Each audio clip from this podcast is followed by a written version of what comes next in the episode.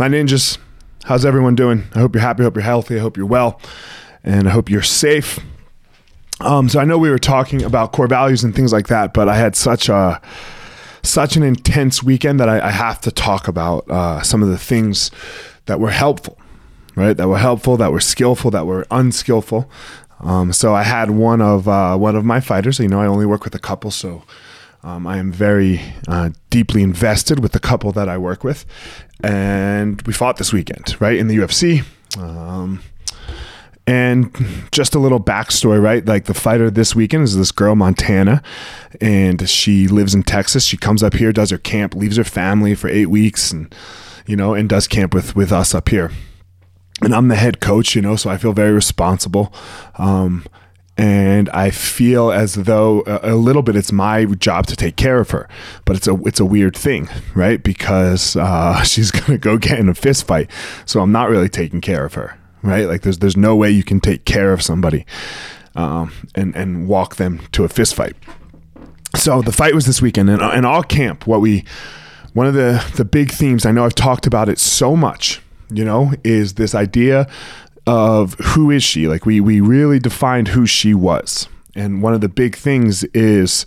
Uh, that whatever the results that the events that happen on on Saturday night whatever happened they don't get to touch who she is. Now it's over. It was a draw. It wasn't a draw. Okay? She won uh, you will have a very hard time convincing me that she didn't win. And I'm normally very pessimistic. I normally think we lose. But three people, the judges, said otherwise. They had control of the situation. They had control of the livelihood and the outcome and all of those things. How do we separate? How do you separate when when when something happens in your life and it doesn't go the way that you want it to go? Right? It it it has to come back to who you are. Like if if you don't believe that, then today, Monday, you know, or Sunday, you're an absolute mess. As as most of us are, as I can be sometimes.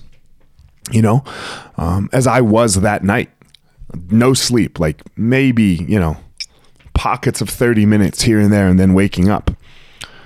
So please don't think that that these uh, solutions or these these uh, things that I'm trying to help us all with, me included, like get me out and solve the answer. No, I'm a human being. I mess them up all the time. But can we get out of them faster? And the only way to get out of these event oriented things faster is to truly know who you are so that today, Monday, I know I'm a little late. you know, uh, it was a long day yesterday, uh, so I didn't get everything done. So I know I'm a little late, but here we are, and I'm just going about my day. Right? I took a day to decompress yesterday, but now we're back at it in the school teaching already done, right? Because that's who I am. Right? I am this person. So if I let those events touch me, then then you start to not do you and then now you're lying to yourself. Now you are in this position where uh, when you start to tell yourself who you are, it's a lie. And when it's a lie, when when the shit hits the fan, it crumbles. So again, who are you? That will also lead into our values. What are your values?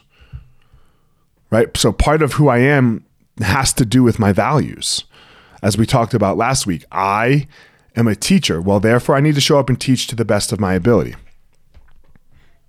Right?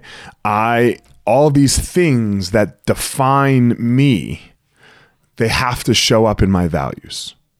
Right? They have to show up in my values. So, um, we've already talked a little bit about values and we've talked, you know, what I want to do now is I want you to really hone in on your values and there's ways to do this there's there's ways to hone in on your values And we're going to start going through that process.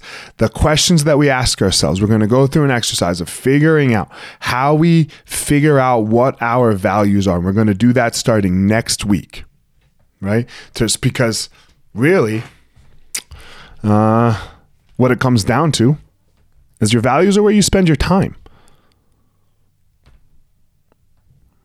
Right? Those are your values. Everyone can say that they value family. Everyone says that. Oh, I value my family. But do you really value your family if you are spending very little time with them? If you don't make time for your family? Do you really value your friendships if you don't spend time on your friendships? Do you really value your business if you don't spend time working on the business, not in the business? Because the only thing that really determines what your value is, is where do you spend your time? A lot of us say we want to grow personally. Do you do the work to grow? Do you spend time growing?